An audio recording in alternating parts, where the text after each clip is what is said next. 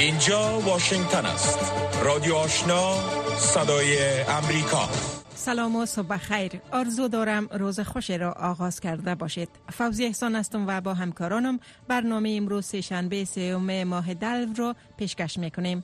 اما قبل از اینکه به نشر گزارش ها و مطالبی که برای این برنامه تهیه کرده ایم بپردازیم همکارم لیلما حبیب عظیمی اخبار این ساعت را پیشکش می‌کند. سلام و صبح بخیر مشروع خبرها. سازمان جهانی صحت از امضای یک پروژه مشترک با ژاپن به ارزش 6.9 میلیون دلار خبر داده است که هدف آن افزایش ظرفیت پاسخگویی به بیماری های ساری در افغانستان است. این سازمان ناوقت یکشنبه 21 جنوری با نشر اعلامیه گفته است که این پروژه مشترک در جریان سفر اخیر دکتر لو داپنگ در رأس یک هیئت به ژاپن با اداره همکاری بین المللی آن کشور جایکا امضا شده است. بر اساس اعلامیه هدف سفر این هیئت سازمان جهانی صحت به ژاپن گفتگو با های آن کشور برای همکاری استراتژیک در افغانستان بوده است. سازمان جهانی صحت گفته است که این پروژه مشترک به دنبال رسیدگی و کاهش تأثیر بیماری های ساری بر مردم افغانستان بوده و قرار است که بیش از 76 هزار نفر در سرتاسر سر این کشور از آن بهرهمند شوند. افغان های ساکن برخی از شهرهای جهان روز یکشنبه 21 ماه جنوری در اعتراض و بدرفتاری طالبان با دختران به ویژه بازداشت زنان و دختران به بهانه بدهجابی و نیز در اعتراض به نسل کشی هزاره ها در آن کشور تظاهرات را برگزار کردند. ده ها معترض افغان 21 ماه جنوری در نزدیکی قصر سفید تجمع کردند و علیه عملکرد طالبان در افغانستان مظاهرات برپا کردند. جزئیات این خبر را در بخش گزارش ها می شنوید مشروع خبرهای منطقه و جهان را از رادیو آشنا صدای امریکا دنبال می کنید در حالی که حوادث خشونت آمیز در آستانه برگزاری انتخابات سرتاسری در پاکستان افزایش یافته است. دیروز پوانتون ها و مکاتب اسلام آباد پایتخت پاکستان به دلیل تهدید احتمالی حملات تروریستی تعطیل شد. منابع به خبرگزاری آلمان گفتند که سه پوهنتون که از سوی اردوی پاکستان اداره می شوند با تهدید بالا رو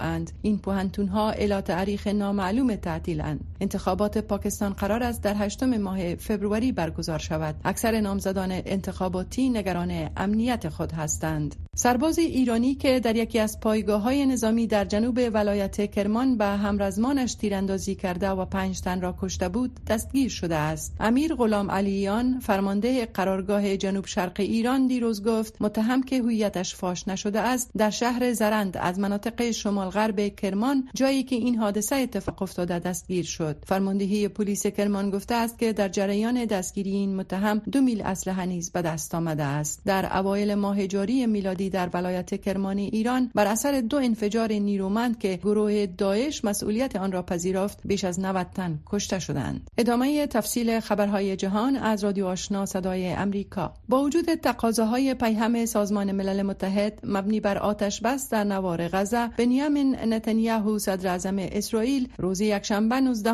ماه جنوری گفته است که جنگ را در همه جبهات ادامه می دهد وزارت خارجه اسرائیل در پیام های جداگانه در صفحه رسمی اکس خود از قول نتانیاهو نوشته است که ما به هیچ تروریست مسئولیت نمی دهیم نه در غزه نه در لبنان نه در سوریه و نه در هیچ جای دیگر. این وزارت در یک پیام جداگانه اکس از قول یوآف گالانت وزیر دفاع اسرائیل نگاشته است که تا زمانی که به اهداف خود نرسیم آسمان غزه با دود و آتش پوشانیده خواهد بود. صدر اعظم اسرائیل در حالی از آمادگی کشورش برای جنگ در همه جبهات سخن گفته است که نگرانی ها از گسترش جنگ میان اسرائیل و گروه حماس در نوار غزه و سایر مناطق شرق میانه در حال افزایش است. روسیه اوکراین را مسئول آتش سوزی اخیر در ترمینال گاز طبیعی دانست. آتش سوزی روز یکشنبه در بندر اوست لوگا در بحیره بالتیک روسیه رخ داد. دیمیتری پسکوف سخنگوی کرملین در پاسخ به پرسش خبرنگاران در مورد این حادثه که مربوط به تأخیر در برخی از کارهای این ترمینال در مرز روسیه با استونیا شده است گفت اوکراین به نهادهای غیر نظامی و ملکی مردم حمله می کند. در ترمینال گاز طبیعی که توسط شرکت انرژی نوو نوواتا که روسیه اداره می شود پس از مشاهده یک تیاره بی پیلوت در منطقه آتش سوزی گزارش شد. مقامات محلی به خبرگزاری ریا نووستی روسیه گفتند که آتش سوزی باعث دو انفجار شده است. قصر سفید 21 ماه دسامبر بیان داشت که حمله شب نظامیان تحت حمایت ایران بر یک پایگاه هوایی در عراق را که میزبان نیروهای امریکایی است به شدت جدی می‌گیرد. اردوی ایالات متحده امریکا می‌گوید چندین میزایل بالستیک و راکت از سوی شبه نظامیان مورد حمایت ایران ناوقت روز شنبه بر پایگاه هوایی الاسد در غرب عراق شلیک شد که منجر به کشته شدن یک عراقی و جراحات شماری از نیروهای امریکایی گردید. جان فاینر معاون مشاور امنیت ملی قصر سفید گفت این حمله جدی بوده و در آن قابلیت میزایل های بالستیکی استفاده شده که یک تهدید واقعی محسوب می شود. فاینر در برنامه این هفته در شبکه خبری ABC گفت ایالات متحده امریکا این حملات را به شدت جدی تلقی می کند و با آن پاسخ خواهد گفت. و اضافه کرد که گروه های مسئول تداوم حملات بر نظامیان امریکایی پاسخگو قرار خواهند گرفت. فاینر و نیز وزارت دفاع ایالات متحده گفتند که سیستم های دافع هوا اکثر میزایل های پرتاب شده بر پایگاه الاسد را رهگیری و منهدم کرده است. جوزف بورل رئیس پالیسی خارجی اتحادیه اروپا دیروز دوشنبه 22 ماه جنیوری گفت به گونه ای که اسرائیل جنگش علیه حماس را در غزه انجام می دهد بذر نفرت برای نسل هاست. بورل گفت ما به خاطر داریم که حماس چیست حماس چی انجام داده است و ما قطعا آن را رد کرده و تقبیح می کنیم اما صلح و ثبات نمی تواند تنها با ابزار نظامی و صرف با استفاده این چونینی از ابزار نظامی تأمین شود. این در حال است که قرار بود دیروز وزیران خارجه اتحادیه اروپا با همتایان اسرائیلی، فلسطینی، مصری، سعودی و اردنیشان در مورد جنگ جاری در غزه و وضعیت غیر نظامیان فلسطینی صحبت کنند. وزیران خارجه اتحادیه اروپا با مقامات فلسطینی و اسرائیل ملاقات های جداگانه داشتند. بورل در میان آن عده از مقامات غربی قرار دارد که تلفات غیر نظامیان در غزه را تقبیح کردند. پایان مشروع خبرهای افغانستان و جهان تا این ساعت از رادیو آشنا صدای امریکا شنونده های گرامی خبرهای افغانستان منطقه و جهان را از رادیو آشنا صدای امریکا شنیدید. اکنون شما را به شنیدن گزارش ها و سایر مطالبی که برای این برنامه تهیه دیده ایم دعوت می‌کنیم. سه دهه پس از آن که تندروان هندو یک مسجد تاریخی را ویران کردن نریندرا مودی صدر اعظم هند روز شنبه یک معبد هندو مذهبان را که بر مخروبه یک مسجد در شهر ایو دیا آباد شده است افتتاح کرد. هدف از این اقدام آقای مودی تقویت حزبش پیش از انتخابات عمومی این کشور عنوان شده است. شرح گزارش اسوشیتد پرس در این مورد را رویا زمانی پیشکش می کند این باور هستند که معبد اختصاص داده شده بر رام خدای هندوها. میراث مودی را به عنوان یک از رهبران مهم هند اما جنجال برانگیز رقم می‌زند. رهبری که به دنبال تبدیل کشورش از یک دموکراسی سکولار به یک ملت هندو می باشد درست از ابتدا مودی با اظهارات خود جایگاه خود را در تاریخ رقم زد و این عنوان را با تقدیس معبد رام تضمین کرد. انتظار می رود که حزب ملیگرای هندوی مودی باری دیگر با سوی استفاده از مذهب برای کسب منفعت سیاسی در انتخابات ملی آینده که شاید در ماه اپریل یا می برگزار می شود برای سیومین دور متوالی قدرت را از آن خود کند. معبد رام که با هزینه تخمینی 217 میلیون دلار ساخته شده است مرکزی برای هندوهاست که معتقدند رام خدای هندوها. در نقطه دقیقی که مسلمانان مغل مسجد بابری را در قرن 16 در بالای ویرانه های این معبد ساختند متولد شده است. مسجد بابری در دسامبر سال 1992 توسط تنروان هندو تخریب شد که باعث ناآرامی های سرتاسری در آن کشور گردید. در نتیجه آن بیش از دو هزار نفر که اکثرا مسلمان بودند کشته شدند. گروه های مسلمان پس از این رویداد تلاش کردند تا برای بازسازی مسجد بابری سند قانونی به دست بیاورند. این مناقشه در سال 2019 زمان پایان یافت که در یک تصمیم جنجال برانگیز محکمه عالی هند تخریب مسجد را نقص نامساعد حاکمیت قانون عنوان کرد اما این محل را به هندوها اعطا کرد. محکمه هند دستور یک زمین دیگر را در یک منطقه دور افتاده برای اعمار مسجد دستور داد. این رویداد تاریخی برای بسیاری از مسلمانان در هند یک زخم ناسور است و برخی هم می‌گویند که این معبد گواهی از بزرگنمایی های سیاسی هندوها در این کشور می باشد. نگرانی های وجود دارد که این حکومت و همه افراد وابسته به آن می‌خواهند تمام آثار مسلمانان یا تمدن اسلامی را از بین ببرند. این در حالی است که برخی از رهبران مخالف مراسم افتتاحیه این معبد را تحریم کردند آنان در حالی که این اقدام را به عنوان یک ابزار سیاسی می‌بینند و حکومت را متهم می‌کنند که به نام دین برای کسب منافع سیاسی بهره برداری می‌کند. رادیو آشنا صدای امریکا منبع موثق خبرها و گزارش های جهان و افغانستان.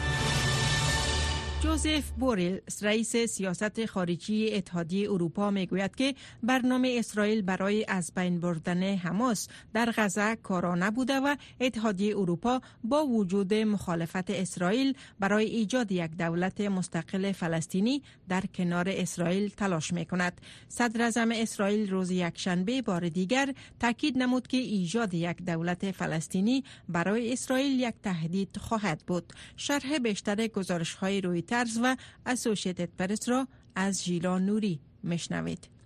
جوزف بورل مسئول رابطه خارجی اتحادیه اروپا می‌گوید راه حل اسرائیل برای محو حماس در غزه تا کنون به اثر واقع نشده است. به همین دلیل با وجود مخالفت اسرائیل اتحادیه اروپا برای راه حل که منجر به ایجاد حکومت مستقل فلسطینی شود تلاش می‌کند. صدر اسرائیل روز یکشنبه بار دیگر تاکید نمود که ایجاد یک دولت مستقل فلسطینی برای اسرائیل یک تهدید عمده محسوب می شود فکر می کنم باید بحث در مورد صلح و پروسه صلح را متوقف بسازیم. در عوض در مورد اقدامات عملی برای ایجاد دو دولت صحبت کنیم. به خاطر که صلح می تواند از طرق مختلف برقرار شود. شما در مورد کدام نوع صلح صحبت می کنید بیایید در مورد اینکه چه کار باید انجام دهیم حرف و اینکه برای راه حل ایجاد دو دولت چه کار کرده می توانیم بورل در نشست ماهانه وزرای خارجه اتحادیه اروپا سخنرانی نمود که در آن وزرای خارجه عربستان سعودی، اردن، مصر و منشی عمومی عرب لیگ نیز شرکت نموده بودند. محور اصلی مذاکرات پیامدهای حملات اسرائیل بر غزه بود. وزیر خارجه اردن در نشست روز دوشنبه هشدار داد که مخالفت اسرائیل با راه حل ایجاد دولت مستقل فلسطینی می تواند امنیت منطقه را در خطر بیافکند. این جنگ برای اسرائیل امنیت برمغان نمی آورد این جنگ صلح به بار نمی آورد اسرائیل نمی تواند در صورتی که حقوق فلسطینی ها را نادیده بگیرد امنیت را برقرار بسازد. به همین خاطر ما امنیت و صلح برای همه می خواهیم راه آن روشن است. هر کسی که مسئول چشم پوشی از حق زندگی صلحآمیز فلسطینی هاست باید حسابده قرار داده شود. از سوی دیگر وزیر خارجه عربستان سعودی گفت کشورش تا زمانی که اسرائیل به ویرانی غزه ادامه دهد راه را برای ایجاد دولت مستقل فلسطینی باز نسازد. روابط خود با اسرائیل را عادی نخواهد ساخت. صدر اسرائیل روز یکشنبه بار دیگر روی موقف سختگیرانه خود در مورد ایجاد یک دولت فلسطین تاکید کرد و گفت این امر برای اسرائیل خطر حیاتی ایجاد خواهد کرد.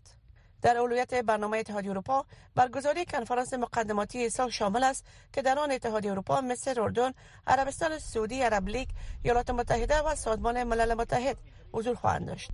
این کنفرانس حتی بدون حضور نمایندگان اسرائیل و فلسطینی برگزار خواهد شد و حیات در مورد تنظیم برنامه صلح با هر دو جانب مشوره خواهند کرد. مقامات اتحادیه اروپا می‌دانند که مقامات و دیپلمات های اسرائیلی در حال حاضر علاقمندی برای حل ایجاد دولت مستقل فلسطینی ندارند. اما خواهان برقراری صلح دراز مدت هستند. آنالینا بیرباک وزیر خارجه آلمان هشدار داد کسانی که نمی‌خواهند در مورد راه حل ایجاد دو دولت بشنوند هیچ راه بدیل را پیشنهاد نکردند. Das ist was, was mich in den letzten Wochen ما به توقف کوتاه جنگ سریعا نیاز داریم تا رنج و تکالیف مردم غزه به خصوص کودکان را کاهش دهیم در عین زمان به مکس های بشری در جنگ نیاز داریم تا گروگان های اسرائیلی از قید حماس آزاد شوند فلسطینی ها در برابر برنامه ایجاد دو دولت نظرات متفاوت دارند. اداره خود مختار فلسطینی که از حمایت غرب برخوردار بوده و بالای کرانه غربی کنترل محدود دارد با اسرائیل مذاکره کرده و در حالی که حماس برای نابود کردن اسرائیل سوگند خورده است.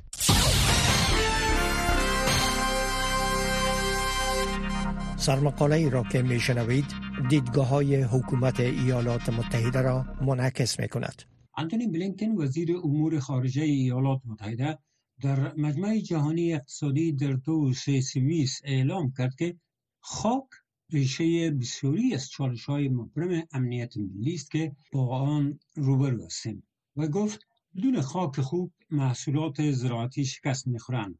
قیمت ها افزایش مییابد. مردم گرسنه می‌شوند. فرسایش خاک شدید تأثیر خوشسالی سیل سایر آب و هوای شدید ناشی از اقلیم را بدتر می کند و عملکرد محصولات را حتی کمتر می سازد و در نتیجه غذا حتی کمیابتر می شود. در حال حاضر 700 میلیون نفر وجود دارند که نمی دارند آیا فردا غذای کافی برای خوردن دارند یا خیر. آقای بلینکن گفت به همین دلیل است که ایالات متحده برای مقابله با این بحران غذایی و حمایت از کسانی که بیشتر تحت تاثیر آن هستند تلاش کرده است و حمایت از کسانی که بیشتر تحت تأثیر آن هستند تلاش کرده است با نگاه به ماه جنوری سال 2021 حکومت ایالات متحده 17.5 میلیارد دلار را برای تأمین معاش حیاتی افراد نیازمند اختصاص داده است. ما مفتخریم که بیش از یک سوم بودجه جهانی غذا را تأمین می‌کنیم. ایالات متحده همچنین برای تولید محصولات بهتر، قویتر و انعطاف پذیرتر شریک است. در واقع ابتکار مأموریت نوابری زراعتی ایالات متحده برای هاب و هوا با امارات متحده عربی 17 میلیارد دلار برای سرمایه گذاری در تلاش برای بازسازی زمین های زراعتی تخریب شده و جذب کربن در خاک بسیج کرده است. ایالات متحده همراه با اتحادیه افریقا و سازمان زراعت جهان برنامه جدیدی به نام چشمانداز محصولات و خاک سازگار یا فکس تنظیم کرده است. آقای بلینکن توضیح داد و روی کردی که ما داریم دو و این واقعا به این خلاصه می شد. دو چیز اساسی اول ما در حال سرمایه گذاری روی زمین هستیم. محصولات بومی افریقا را شناسایی می‌کنیم که مغزی ترین و مقاومترین آنها در برابر تغییرات آب و هوا هستند. این نوع محصولات را بهبود میبخشیم. آنها را به جهان تحویل میدیم در این حال ما در زیر زمین سرمایه گذاری می‌کنیم نقش برداری می‌کنیم حفظ می‌کنیم و خاکهای سالم می‌سازیم اگر این کار را درست انجام دهید اگر بذرها را درست تهیه کنید اگر خاک را درست تهیه کنید آنگاه پایه زراعت خود را برای آینده خواهید داشت. آقای بلینکن گفت چیزای کمی برای بشریت مهمتر از این است که بفهمیم چگونه این سیاره را پرورش دهیم تا بتواند همه ما را تغذیه و حمایت کند. ما در این لحظه فرصتی داریم که امروز بهتر در حال برای مردم ارائه می دهیم که در واقع فردای پایدار را بسازیم. آنچه را شنیدید باستاب دهنده نظر حکومت ایالات متحده بود. بسیاری از جوانان تحصیل کرده که در ماهای اخیر به دلیل مشکلات مختلف افغانستان را به قصد کشورهای همسایه ترک کردند با بی سرنوشتی روبروند مسکو صافی خبرنگار صدای امریکا در پاکستان در این مورد گزارش دارد که شرح بیشتر آن را خدیجه هما الکوزی به توجه می رساند. محمد وارث 28 ساله از یک سال به این سو در شهر اسلام آباد پاکستان زندگی می کند. او باشنده اصلی کابل است و در رشته قضا و از سارنولی مدرک لسانس دارد اما به دلیل برخی مشکلات مجبور به ترک افغانستان شد و اکنون در یکی از کلب های ورزشی اسلام آباد به حیث مربی بدنسازی کار می کند. آخر سمستر از ما 300 دلار به خاطر دیپلم خواستن و 100 دلار به خاطر دفاع از دیپلم خواستن که من نتونستم اونا را پرداخت کنم و دیپلم ممت نامکمل مانده در ضمن من خودم در سفارت جرمنی هم کار کردیم. مدت دو سال کار کردیم. 150 قضیه سفارت جرمنی را ما تحقیق کردیم. من خودم انکوایری آفیسر بودم. این جوان افغان می‌گوید که به دلیل ترس از بازداشت توسط پلیس پاکستان اکثرا به خانه نمی رود و شبها را در کلپ ورزشی که کار می کند صبح می کند سیاد شاه برادر کوچک محمد وارث 21 سال عمر دارد. او که با محمد وارث یک جا به اسلام آباد آمد در افغانستان رویای عکاس شدن داشت. روی طالبا خوب نبود با من. به خاطر که می‌گفتن وقتی که یا نو آمده بودن چون نمیفهمیدن. حتی می آمدن میفتن این عکس حرام است عکس گرفتن حرام است عکس نگیرین و همین شد باید همین باعث شد که دکانم از بین بره ایلا کنم بیکار شم یک سال بیکاری را تیر کردم. و بعدش آمدم تا پاکستان ماجر شدیم. محمد وارث پلیس پاکستان را به بدرفتاری متهم می کند و ادعا دارد که ادارات پاکستان در ماهای اخیر ویزه اقامت مهاجران افغان را در بدل رشوت تمدید می کند پلیس از این مملکت است ما ویزا بر ما به بسیار مشکل بر ما داده میشه. بعد مقابل پور 500 دلار و 600 دلار. یک انسان که در 25 هزار ماش باشه و چی رنگی رقم ویزه خودم اثر کرده بتانه سازمان دیدبان حقوق بشر در ماه نوامبر سال گذشته گفت که مقام های پاکستانی با توسل به بدرفتاری های گسترده علیه مهاجران افغان در پاکستان آنان را مجبور به برگشت به افغانستان می کنند آنچه مقام های پاکستان آن را رد کردهاند. رادیو آشنا صدای امریکا. پنج تا هفت صبح و هفت شام تا ده شب. تازه ترین خبرها و گزارش ها دفتر هیئت معاونت سازمان ملل متحد در افغانستان یوناما با نشر گزارش از وضعیت حقوق بشری گفته است که با وجود تاکید مقام های طالبان مبنی بر تعهداتشان در تطبیق عفو عمومی آنان به کشتارها، بازداشتها و توقیف های فراقانونی در این کشور ادامه دادند. با این حال طالبان همواره چنین گزارش ها را رد کرده و اکثر کشتارها را به خصومت های شخصی پیوند دادند. جزیات بیشتر در این مورد را نجیب خلیل پیشکش می کند گزارش تازه دفتر هیئت معاونت ملل متحد در افغانستان یا یونما که وضعیت حقوق بشر را طی ماههای اکتبر و دسامبر سال 2023 بررسی کرده است امروز دوشنبه 22 جنوری نشر شد. یونما در این گزارش گفته است که با وجود تاکید مقامات طالبان بر تعهداتشان در تطبیق عفو عمومی از سوی رهبر این گروه موارد از کشتارهای فراقانونی، بازداشتها و توقیفهای خودسرانه، شکنجه و بدرفتاری با مقامات دولتی و نظامیان پیشین در بخش حقوق بشری یونما ثبت شده است. گزارش به طور نمونه به دو مورد از چنین قضایا اشاره کرده است. در 20 اکتبر در بدخشان افراد مسلح ناشناس یک افسر سابق پلیس محلی و پسرش را به ضرب گلوله کشتند. در 21 نوامبر جسد یک سارنوال پیشین و خواهرش در جاده جلال آباد کابل پیدا شد. طارق فرهادی تحلیلگر مسائل سیاسی می‌گوید این نشان میده که قرار وعده که طالبان کرده بودن امنیت نظامیان پیشین تضمین نیست. و این هم نشان میده که امنیت مدنی دخترها هم تضمین نیست. یعنی زیر حمله قرار داره. این یک راپور ملل متحد است و تاثیر مستقیم داره به رأی کشورهایی که در مورد به رسمیت شناختن یا نشناختن طالبان تصمیم می‌گیرن. پس این راپور یک ضربه می‌زنه به این روند و همچنان همسایه های افغانستان شکایت دارند که مردم از افغانستان در فرار هستند. یونما گفته است که مقامات وزارت دفاع حکومت طالبان قضایای مثل قتل ها در بدخشان و جاده جلال آباد کابل را ناشی از خصومت شخصی و همچنان تبلیغات خواندند نه انتقام گیری اما هاشم دانش تحلیلگر مسائل سیاسی در حالی که موجودیت قتل های غیر مسئولانه در افغانستان را غیر قابل انکار می داند می گوید مسئولیت مردم مسئولیت حکومت طالبان است و می افزاید از این که در افغانستان قتلای غیر مسئولانه وجود دارد هیچ کس انکار کرده نمی‌تواند و طالبا هم نمی‌تونند این را بگویند که اینا خصومت های شخصی است. اگر خصومت های شخصی است اینا حکومت هستند باید جلوگیری صورت بگیرد. به این خاطر معلوم میشن که نه انوز انتقامگیری های وجود دارد. عفو عمومی از اینا به صورت درستش تطبیق نمیشه. مردم خودسرانه دستگیر میشن خودسرانه شکنجه میشن. این موضوع وجود دارد.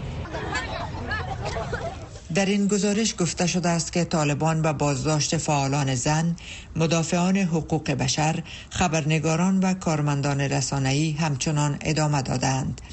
یونما همچنان تایید کرده است که طالبان در مدت تهیه گزارش برخ فعالان را از بند رها کردند.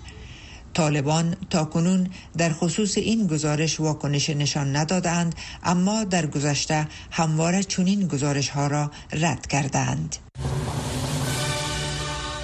رادیو آشنا صدای امریکا. پنج تا هفت صبح و هفت شام تا ده شب. تازه ترین خبرها و گزارش ها و برخی شهرهای مختلف جهان روز یکشنبه شاهد برگزاری مظاهرات در اعتراض به توقیف و زندانی کردن دختران توسط طالبان و آنچی را نسل کشی هزاره در افغانستان خواندند بود.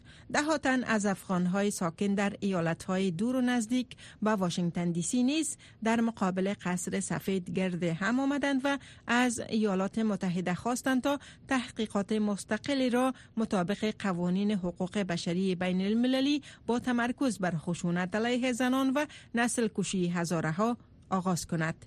محمد احمدی که برای پوشش خبری این تظاهرات رفته بود گزارشی را تهیه کرده است که با هم مشنویم.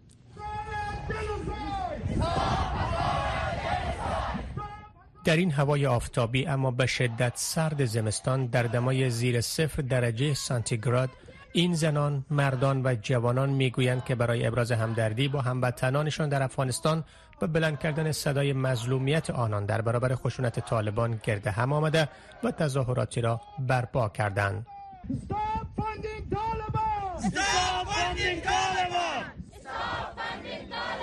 برخی مظاهره کنندگان پلاکارت هایی را در دست داشتند که روی آن نوشته شده بود نسل کشی هزارها را متوقف کنید. نسل کشی هزارها را به رسمیت بشناسید و از زندگی هزارها محافظت کنید. می‌خوای نخواهی صدا بلند کردن آخر به جای می‌رسه. ولی بارهای بار ما در این تظاهرات شرکت کرده متاسفانه جهان تا به حال اقدام جدی نکرده در مورد حقوق زنان در افغانستان. ولی ما باز هم سکوت نمی کنیم. تسلیم نمیشیم. ما بار بار میاییم تظاهرات می‌کنیم صدای خود به مردم میرسانیم. ما برای مظلومیت مردم هزاره برای مظلومیت دخترای افغانستان اونا رو طالبا شکنجه می‌کنن. این روزی هست که جوانا جمع آوری می‌کنن بیگناه می‌برن زندانشون می‌کنن. همین دلیل ما اینجا آمدیم. کیسو یاری فعال حقوق زنان و سازمان دهندگان این تظاهرات به صدای امریکا گفت که هدف اصلی این گرد همایی اعتراضی بلند کردن صدا به خاطر دخترانی است که در توقیف طالبان در افغانستان هستند و همچنین این تظاهرات به خاطر نسل کشی هزارها در افغانستان است. شاید کل چیز در 24 سال یک شبانه روز اتفاق نفته. توقع ما این نیست که بیایم اینجا تظاهرات کنیم و تغییر فردا ما ببینیم و این تاثیرگذاریش مستقیم روی افغانستان باشه. من فکر می‌کنم این تاثیرگذاری خود روی پالیسی های مشخصی که در آمریکا بر افغانستان اتفاق میفته می‌تونه تاثیرگذاری خود داشته باشه. و اینا می‌فهمند که آدم های مسئول یا citizen های مسئول در اینجا وجود داره که اینا را متقاعد بسازه که تصمیم های را به ضرر مردم افغانستان نگیرند مظاهره کنندگان در واشنگتن دی سی اعلامیه ای را در شش ماده در ختم تظاهراتشان به خوانش گرفتند. آنها همچنین از ایالات متحده خواستند تا تحقیقات مستقلی را تحت التزام حقوق بشری سازمان ملل متحد با تمرکز بر خشونت علیه زنان و نسل کشی هزارها آغاز کند و از این تحقیقات نیز حمایت نماید. اعتراضات مشابه در شهر دنور ایالت کلرادو امریکا نیز با همین هدف برگزار گردید. اعتراضات در برخی شهرهای کانادا، آلمان و سایر کشورهای اروپایی نیز در عین روز برگزار گردید که هدف آنها نیز توقف بازداشت دختران و رهایی توقیف شدگان و پایان دادن به نسل کشی هزارها بود. در اوایل ماه جاری میلادی ماموران امر به معروف و نهی از منکر طالبان در های مختلف ساحه دشت برچی کابل و ساحه خیرخانه این شهر شمار زیادی از دختران جوان را از سرکها به اتهام بدهجابی توقیف و زندانی کردند. برخی مقامات طالبان ادعا کردند که آنها پس از توصیه رعایت حجاب رها شدند اما فعالین حقوق زنان ادعا کردند که شماری از آن دختران هنوز در توقیف طالبان هستند و بیم تجاوز جنسی بر آنان و سایر شکنجه ها می رود.